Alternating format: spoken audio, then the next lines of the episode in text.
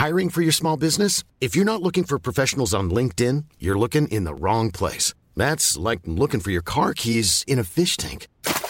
LinkedIn helps you hire professionals you can't find anywhere else, even those who aren't actively searching for a new job but might be open to the perfect role. In a given month, over 70% of LinkedIn users don't even visit other leading job sites. So start looking in the right place. With LinkedIn, you can hire professionals like a professional. Post your free job on linkedin.com slash people today.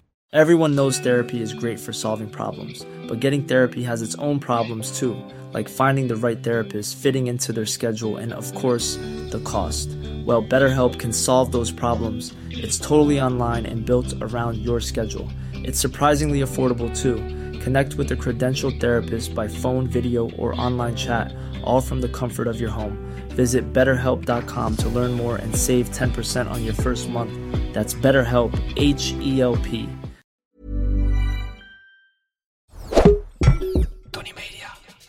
Ik laat me ook, zeg ik eerlijk, mag de luisteraar ook weten. Ik heb een ongelooflijk team achter me met influisteraars. Nee, nee, die lezen allemaal wel boeken. En die, die geven mij schitterende achtergrondinformatie. Om mensen van jouw statuur een beetje aan het wankelen te brengen. Ja, nou dat is heel goed gelukt.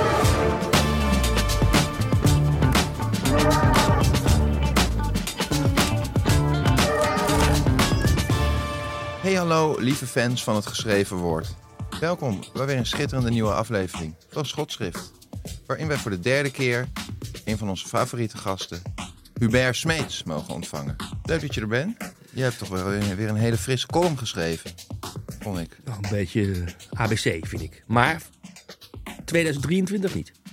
ABC, bedoel je dat het voor jou, dit is gewoon routinematig? Nee, eh, nee, het onderwerp is volstrekt vanzelfsprekend vind ik. Oh ja, Maar, want wat is het onderwerp? Oh. eh, gelijke monniken, gelijke kappen eh, voor de rechter. En, en Wat dat jij zeg je mooi cryptisch, maar dat zou over van alles kunnen gaan. Maar in specifiek... Het gaat in bijzonder over eh, de overeenkomsten en de verschillen tussen Farmers Defence Force van Mark van der Oever en Extinction Rebellion. Want eh, ja, daar is jou iets opgevallen, heb ik gemerkt. Ja, op eh 11 maart gaan ze beide demonstreren in Den Haag. De vorige keer eh, kon Mark van der Oever van Farmer Defence Force altijd rustig zijn gang gaan. Er gebeurde niks. Achteraf misschien is een dagvaarding. En Extinction Rebellion werd vooraf van hun bed gelicht. Wegens opruiing. Ja. En dat is volgens mij geen gelijke monniken, gelijke kappen. Dus we Nou, gaan het zien, 11 eh, maart. Ik brand van nieuwsgierigheid om eens te luisteren naar heel je verhaal. Oké. Eh, mijn vader was advocaat. Als ik aan de keukentafel klaagde dat ik was bekeurd of bestraft, bijvoorbeeld voor wildplakken, maar dat een ander voor e- exact dezelfde overtreding niet was bestraft, en ik vervolgens hoog begon op te spelen dat zulks oneerlijk was, dan zei hij: Een jurisprudentie van de niet berechte gevallen bestaat niet. Alleen mensen die voor de rechter komen worden immers gevonnist. Mijn vader bedoelde niet dat ik niet burgerlijk ongehoorzaam zou mogen zijn. Hij bedoelde dat het simpele feit dat een ander niet is gepakt geen vrijbrief is om ook straffeloos de wet te kunnen overtreden. Geluk en pech horen nu eenmaal bij elkaar als twee kruinen op één hoofd. Mijn vader is al 30 jaar dood. Maar nu vind ik het toch jammer dat hij geen commentaar kan leveren op het optreden van politie en justitie tegen twee tegendraadse demonstraties op 11 maart aanstaande in Den Haag. Op de laatste zaterdag voor de provinciale statenverkiezingen kan het langs de A12 uitdraaien op een openlijke clash tussen de jurisprudentie van de wel en de jurisprudentie van de niet berechte gevallen. Tussen klimaatactivisten van Extinction Rebellion, die steeds weer worden opgepakt als ze een autoweg bezetten, soms zelfs voordat ze zijn begonnen, en de troepen van Farmers Defence Force, die keurig door de politie worden begeleid wanneer ze met hun trekkers snelwegen blokkeren of ministers intimideren en pas achteraf een dagvaarding in de bus krijgen. Eind januari kondigde Extinction Rebellion aan dat ze op zaterdag 11 maart weer naar Den Haag zouden komen. Ik citeer: Vanwege het enorme momentum pakken we door op de A12, schreven de straatklevers op hun website onlangs. Ruim een week later meldde varkensboer Mark van den Oever van Farmers Defence Force dat hij op exact dezelfde dag de grootste demo aller tijden ging optuigen. Hij zei: Dat is de dag dat wij gaan afrekenen. Mark van der Oever, de man die de Europese stikstofregels niet wil accepteren, maar wel zelf heel graag Europese subsidies incasseert, rekent erop dat zijn manschappen met 5000 rollende wapensystemen, pardon, met 5000 trekkers, naar Den Haag zal komen om het kabinet door de plee te trekken. Of die afrekening van Van der Oever ook zal leiden tot de revolutie die Arnold Karskens van Ongehoord Nederland al voor mei 2016 had voorspeld, maar die er toen niet kwam, dat is de vraag. Dat de openbare orde zaterdag 11 maart op het spel staat, dat is een weet. Want wat gaan politie en justitie doen? Farmers Defence Force heeft altijd zijn gang kunnen gaan. Verboden of niet, met hun trekkerstroepen werd niet alleen Den Haag, maar half Nederland lam gelegd. Extinction Rebellion kreeg nooit die ruimte. Het Openbaar Ministerie ging eerder dit jaar zelfs over tot preventieve arrestatie van zes klimaatactivisten. Ze zouden zich schuldig hebben gemaakt aan opruiing. Dat precedent dat het OM heeft geschapen schreeuwt om herhaling. Als justitie zichzelf serieus neemt, dan moet de politie nu van den oever ook wegens opruiing voortijdig van zijn bed lichten. En hier nu komt de jurisprudentie van de niet berechte gevallen om de hoek kijken. Deinst justitie voor de zoveelste maal terug voor een nachtelijk huisbezoek aan Van den Oever, waar het een maand geleden wel die zes Extinction Rebellen durfde op te pakken, dan is er geen sprake meer van geluk voor de varkensboer, maar van opzet bij het OM. Dan worden gelijke gevallen in Nederland niet meer gelijk behandeld. En dan heeft de rechtsstaat een probleem. Want dan geeft justitie voedsel aan het in reactionair rechtse en extreem linkse kring levende gemoed dat het demonstratierecht alleen voor jou is bestemd en niet voor de ander. Zoals de uiterste flanken aan weerszijden ook vinden dat de vrijheid van meningsuiting niet bestemd is voor andersdenkenden. Dat is wat de ultra's, die lak hebben aan de democratische rechtsorde, verbindt. Ze zijn beide schaamteloos inconsequent. Jij moet mij alles gunnen, ik hoef jou niets te gunnen. Dat is hun parool. Als de ME straks de rapaljetrekkers wel op de snelwegen tolereert, maar de straatklevers er tegelijkertijd van afslaat, dan capituleert de politie voor het geweld van gemotoriseerde knokploegen en ondermijnt ze het geloof in de rechtsstaat. Als het OM beide voor en achteraf gelijkelijk aanpakt, dan blijft de jurisprudentie van de niet berechte gevallen keurig intact. Liever afrekenen met eigen richtingbaas Mark van der Oever dan met de democratisch gekozen premier Mark Rutte. Um, Hubert, je verzekerde ons ervan dat je vader uh, beslist niet uh, wilde belemmeren dat jij ooit eens een keer burgerlijk ongehoorzaam zou uh, mogen zijn. Heb je ooit gebruik gemaakt van die ruimte die je werd zeker, geboden? Zeker, ja. Ik was een, een vrij goede plakker wildplakker. Affiches oh. op lantaarnpalen plakken. Met, uiteraard met waterglas, zodat de onderkant wat ruller wordt goed uitkijken natuurlijk, dat de politie niet aankwam. En daar ben ik ook wel eens voor aangehouden. Heb ik ook wel eens in een politiecel voor gezeten. ging dat dan om, om, uh, om, om, om concerten met afgrijzelijke punkmuziek of uh, politieke boodschappen? Politieke boodschappen toch wel vaak, ja. Och, ja, ja. Wat, en waar hebben we het dan over? Dan hebben we het over de boodschap van bijvoorbeeld de pacifistische socialistische partij... die in 1991 is opgegaan in GroenLinks, maar die tot die tijd bestond... en waar ik uh, in de jaren 70 actief voor was. Ja, het is niet anders. Maar nu uh, zijn er wel eens mensen, ik niet, maar die zeggen van Hubert Smeets, het is een nette man, maar die is ook wel rechts geworden. Um, ja, nou ja, goed, dat is, dat is bekend. Hè? Dat uh, als je op je achttiende geen socialist bent, dan heb je geen hart.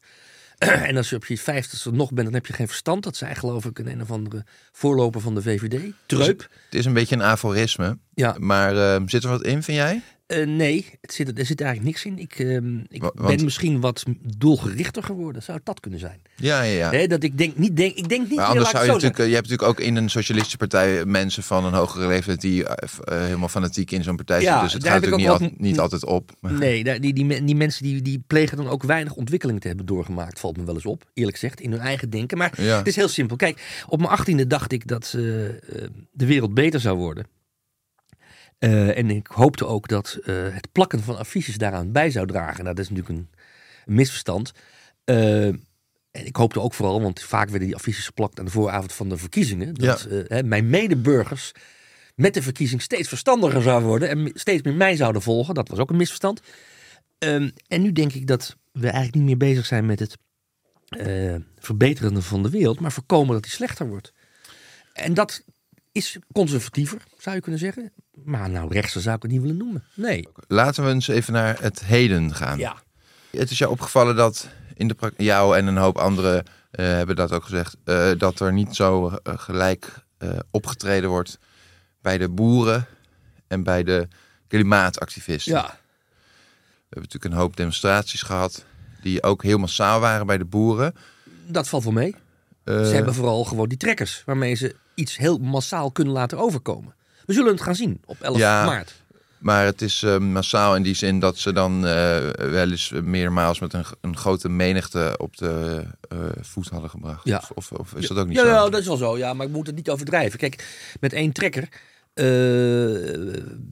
heb je, neem je evenveel plaats in beslag op het Malieveld als met, wat zal het zijn, 50 mensen. Ik begrijp wat je zegt, maar dit noem ik toch ook wel massaal. Want okay. ze wisten het land toch best wel even een dag of wat kan je zeggen. een beetje te belemmeren. Uh, is relatief, het is allemaal relatief. Maar ten opzichte van de klimaatdemonstranten, laten we het dan even in die uh, maat gieten, is het stukken groter. Er komen, wordt, komen veel meer mensen nu op de been. En dat is ook een interessant gegeven. En tegelijkertijd zie je dan dat dus op heel veel momenten blijkt dat de autoriteiten zich heel anders opstellen. Ja, en dat is heel, dat is, dat vind ik niet alleen slecht van de autoriteiten, dat ze op die manier duidelijk maken dat het een kennelijk erger is en kwalijker is, die klimaatactivisten, wat die doen op straat, dan wat de uh, Farmers Defence uh, Force jongens doen. Mm -hmm. uh, maar het is ook eh, gevaarlijk, omdat het bevestigt wat toch al leeft in de samenleving, dat er geen sprake is van een eerlijke rechtsstaat, waarbij iedereen op dezelfde manier behandeld wordt. En als dat verder ondermijnd wordt, dat gelijke monniken, gelijke kappen principe, dan wordt eigen richting vanzelfsprekend. En dan kan je straks ook niet meer een moreel oordeel vellen over eigen richting, want dan krijg je die zogenaamde jurisprudentie van Mhm. niet berechte gevallen.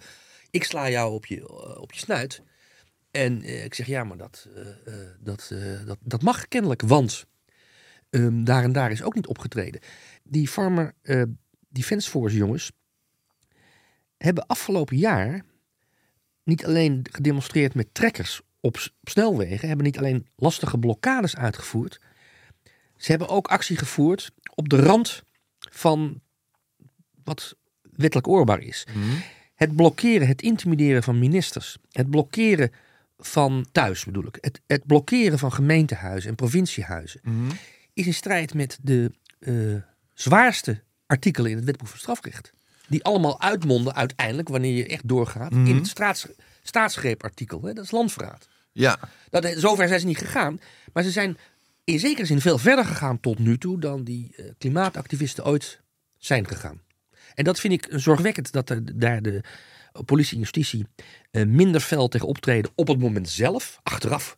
Hè, dan sturen ze een dagvaarding en dan komt er iemand voor de rechter, die krijgt een taakstrafje van 100 uur, maar niet op het moment zelf.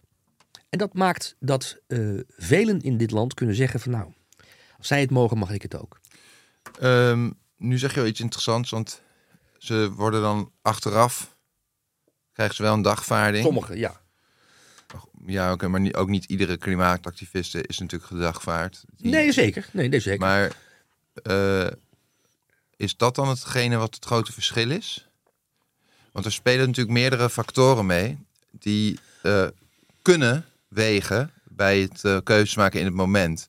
Dus als je te maken hebt met een hele grote groep eh, agressieve boeren met eh, rollende wapensystemen, is het dan niet redelijk normaal om te zeggen van nou, Even niet.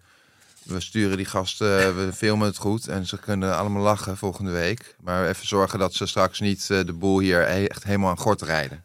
Dat is de, absoluut. Maar, zou, maar wat, eigenlijk wilde ik daar naartoe van, wat denk jij nou? Laten we zo nog even verder praten over alle nuances. Maar wat denk jij nou dat, als jij het moet zeggen, de reden is voor die eh, on, on, eh, ongelijke aanpak? Nou, de- de- er zijn twee redenen. Ten eerste die, eh, die trekkers. Da- daar is veel minder makkelijk tegen op te treden dan tegen een individueel mens die zich op straat vastlijmt. Dat is absoluut waar. Dus het is eh, logisch dat de politie denkt van nou, daar beginnen we maar niet aan, want dat verliezen we. Heel simpel. Ja. Maar op 11 maart komen ze samen. En dan kan je de vergelijking echt mooi maken. Het is een, een, want een dat- uniek experiment Want eigenlijk. het gevoel wat hier, wat hier een beetje uit naar voren komt, is, hè, neem ik aan, dat het lijkt alsof de politie, ik heb die geluiden ook wel eens opgevangen, eh, veel, ook veel meer sympathie heeft voor de, voor de boeren, zeg maar. En dat ze veel meer afstand voelen tot eh, Extinction Rebellion. Ik- Ik had nog een paar andere verschillen bedacht, die in ieder geval een weging kunnen hebben, namelijk dat de boeren reageren wel op een ander iets, namelijk zij zijn boos omdat regels die nu in werking gaan treden hen Gaan raken.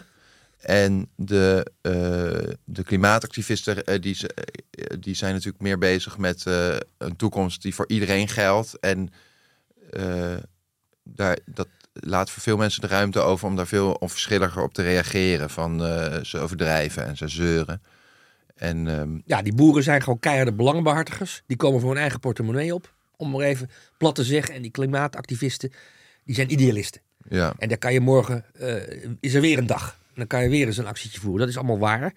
Eh, en ik, eh, het is ook zeker waar dat je de, de politie eh, ehm, de ruimte moet geven om flexibel te opereren. En om niet op elke demonstratie op dezelfde kijkt- manier te Als je reageren. dan kijkt naar de reageren. beeldvorming, want we hebben dit net al een beetje aangestipt. Eh, Kijk, dit, deze situatie, ik heb ook wel opgevangen hier en daar dat veel politieagenten verklaarden zich sympathiek met de boeren en Ja. die voelden zich Nou, dat openlijk gezegd. working class, zou je kunnen zeggen. Er zitten ook een heleboel rijke boeren bij, maar laten we daar even een beetje in meegaan. Ja. En eh, de, de klimaatactivisten zijn idealisten en links en wat meer met de intellectuele Ja. d- dit en dat.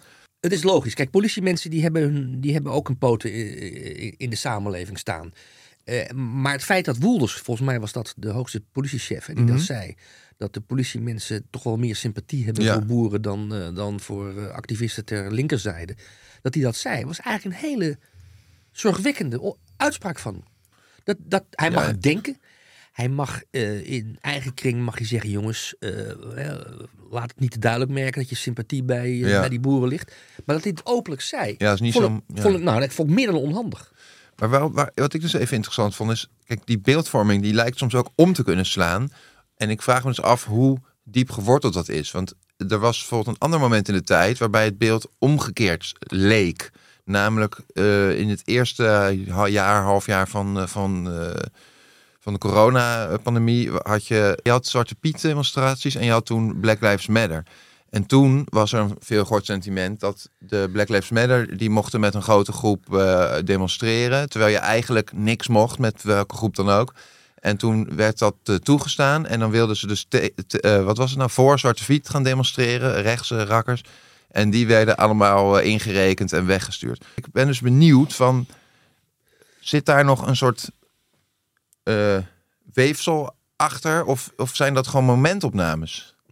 Dat zijn momentopnames van Staphorst of Dokkum of waar dan ook. Die eh kick-out Zwarte Piet demonstratie. Om het beeld volledig te werd. Andersom heb je het ook weer gehad dat ze dus extreem eh nare, echt een beetje bedreigende racisten. Die, die linkse jongens bij Staphorst te pakken namen. Toen werd er ook weer amper ingrepen. Maar dit zijn dus allemaal voorbeelden waarbij je een heel. Binnen een kader zie je dan iets wat heel ongelijk is. Maar dat is niet elke keer op dezelfde manier Nee, ongelijk. dat, dat- was mijn punt. Nee, dat klopt. Eh, dat- dat- met dat punt heb je ook gelijk.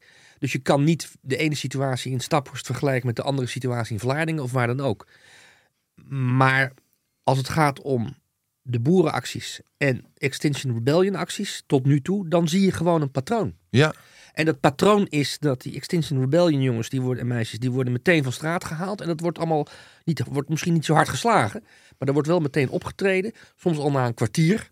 Hè, eh, als, er, als ze ergens op een, op een kruispunt Mhm. eh, staan. nee, dat klopt wel, ja. En die boeren, die, eh, die, worden, niet, die worden niet weggehouden eh, van, de, van de snelwegen met Spaanse ruiters of met panzervoertuigen. Want dat is natuurlijk het probleem van die boeren. Die hebben, die hebben materiaal tot hun beschikking eh, waar de klimaatactivisten geen gebruik van kunnen maken. En dat materiaal dat kan je alleen maar tegengaan met, eh, met Spaanse ruiters. Hè. Dat zijn die grote kruisen die Mhm. je op, op, op straat zet. Dat kan je Mhm. tegengaan met panzervoertuigen.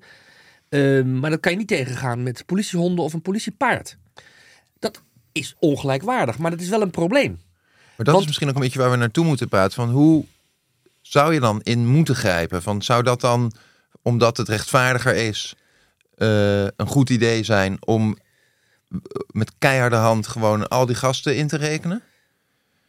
Nou, dat, dat, of zou dat, dat hoeft niet per se, maar, werken? maar wel duidelijk maken aan de organisatoren. Kijk, als je naar die, als je naar die, die, die eh, oproepen kijkt van Mark van den Oever, hè?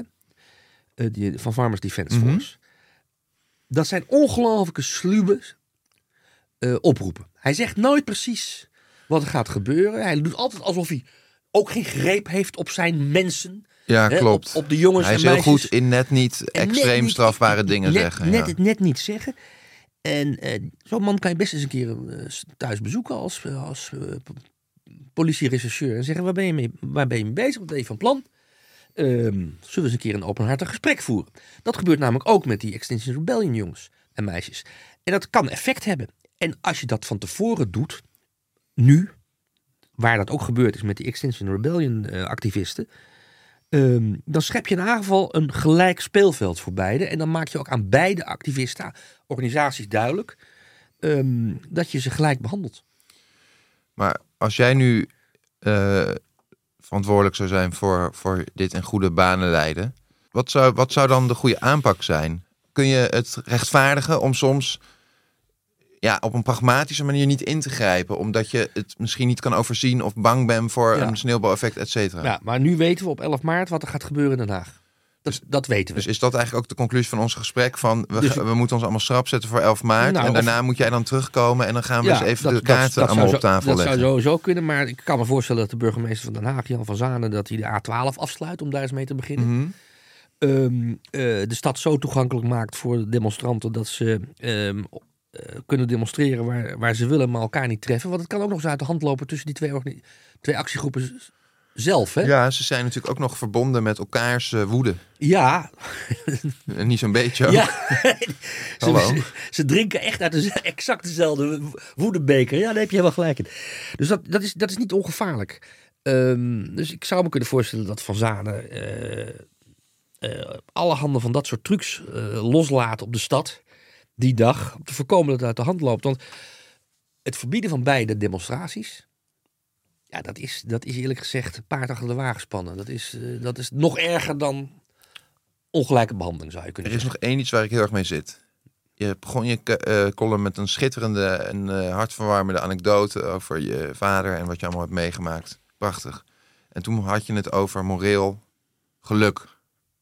Maar wat nou zo jammer is, is dat je in de rest van de column eigenlijk alleen maar praat over eh, eh, selectief handhaven. Dan gaat het nooit meer over dat morele geluk.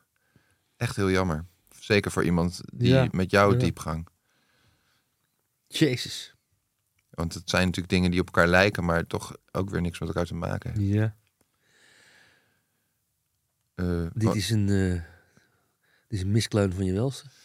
Nou, ik vind het nog waar- steeds wel werken als een, een hele leuke introductie. Maar het, het viel me eigenlijk wel op, want ergens komen we erop uit. Ook al zitten we te proberen we te, bekijken dat je soms eh, tegengestelde gevallen ha- had, wat ik al opnoemde, het Black Lives Matter, et cetera.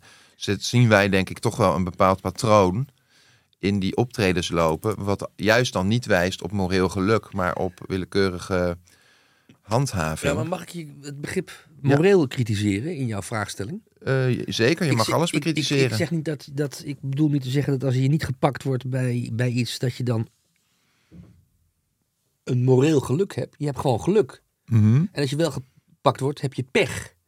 Maar daar kan je geen morele waarde aan hechten. Als je, als je eh, eh, Mhm.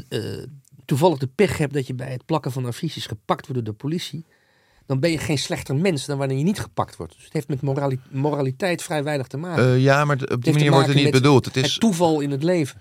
het, wordt, het is afkomstig van Thomas Nagel, filosoof. En die, Thomas Nagel, filosoof. ja, en die noemt het moreel, ge- eh, moreel geluk. Bijvoorbeeld als je eh, twee mensen hebt die stappen eh, precies even dronken in een auto. En één iemand rijdt een kind dood en die ander rijdt niemand dood. Dan zijn, hebben zij zich even verantwoordelijk gedragen. Slecht. Maar diegene even verantwoordelijk of onverantwoordelijk. Maar Eh, terwijl eh, een van de twee heeft moreel gewoon heel veel geluk. En die ander die zal er nooit op aangesproken worden. En daarin zie je dan dat dat eh, lastig te vergelijken is. Weet je? Want in de, in de traditionele ethiek was dat gelijkwaardig. Want dan zeg je nou, die mensen hebben allebei dezelfde immorele keuze gemaakt. Ja. Maar in, binnen de juridi- juridische wereld is het heel ongelijkwaardig. En is de, heeft de ene iets heel ergs gedaan en de ander heeft niks eh, gedaan. Want dat is niet geregistreerd en niet waar. Ja, maar dan mag je toch hopen dat degene die dat morele geluk heeft gehad... dat hij in zijn dronken kop niemand heeft doodgereden. En v- vrij uitgegaan is. Het gaat dus om het principe dat Ja, met moreel geluk verwijst naar de ste- waarbij de, de morele uitkomst van jouw eh, eh, gedrag valt gelukkig uit voor jouw eh, leven. En dat is een eh, tegenstelling. En eigenlijk valt dat samen met, met jouw opening. Dat zou je daar zo kunnen omschrijven. Maar in de column praten we eigenlijk dus vooral over selectief handhaven. En wat, eh, wat daar nou aan Ja. voor redenen aan vastzitten. Het, het raakt Nagel. elkaar wel een beetje. Thomas Nagel, ik laat me ook, zeg ik eerlijk, mag de luisteraar ook weten. Ik heb een ongelooflijk team achter me met influisteraars. Nee, nee, die lezen allemaal wel boeken. En die, die geven mij schitterende achtergrondinformatie. Om mensen van jouw statuur een beetje aan het wankelen te brengen. Ja, nou, dat is heel goed gelukt. Ehm, ik zou zeggen, ehm, als je het geluk hebt dat je niet gepakt wordt, ontslaat je dat niet van de plicht om morele vroeging te kunnen hebben. Namelijk over wat er gebeurd had kunnen zijn Ja. door jouw onverantwoordelijke gedrag. Dus jij zegt ook iemand die een beetje goed reflecteert op zijn gedrag. Zo is het. Die zal eh, in de krant lezen. Iemand doodgereden in Wanningsveen door een dronken man. En die bedenkt zich, ik had gisteren ook twaalf bier op. En En de volgende keer ga ik niet meer donker ik, achter ik, zitten. ik schrik me helemaal lam van, van Zo- deze... zo is het. Dat bedoel Ja. ja. Het idee dat wanneer je alleen maar als je gepakt wordt, je een probleem hebt. Ja. Dat is de nagel aan de doodkist van de samenleving. En dan krijg je een volstrekte regelgerichte maatschappij waar elk principe en beginsel uit is weggevallen.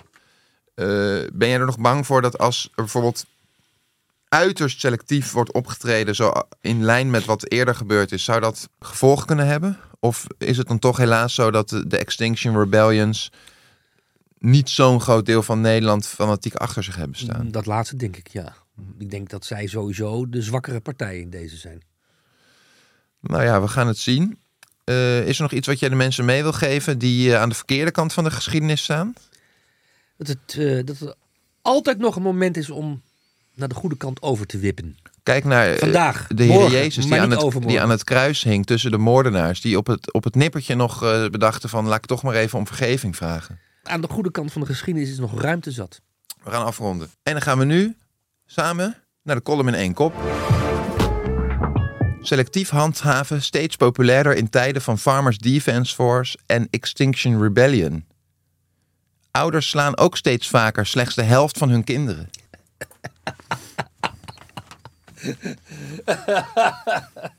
Ja, die was wel goed. Die Hubert, hoe voel je je over de wijze waarop ik tendentieus eh, jouw column en meningen heb samengevat? ja, niet, eerlijk gezegd doe je dat eh, heel correct. Nou, Eh, het mag wel wat grover. Dan gaan we naar naartoe werken. Ik hoop je hier heel graag nog eens te zien. En dan kunnen we misschien wat terugblikken op, eh, op de burgeroorlog die dit heeft ontketend. Eh, zo is het. Eh, hartstikke bedankt voor je komst. Zet je helm op. Yes.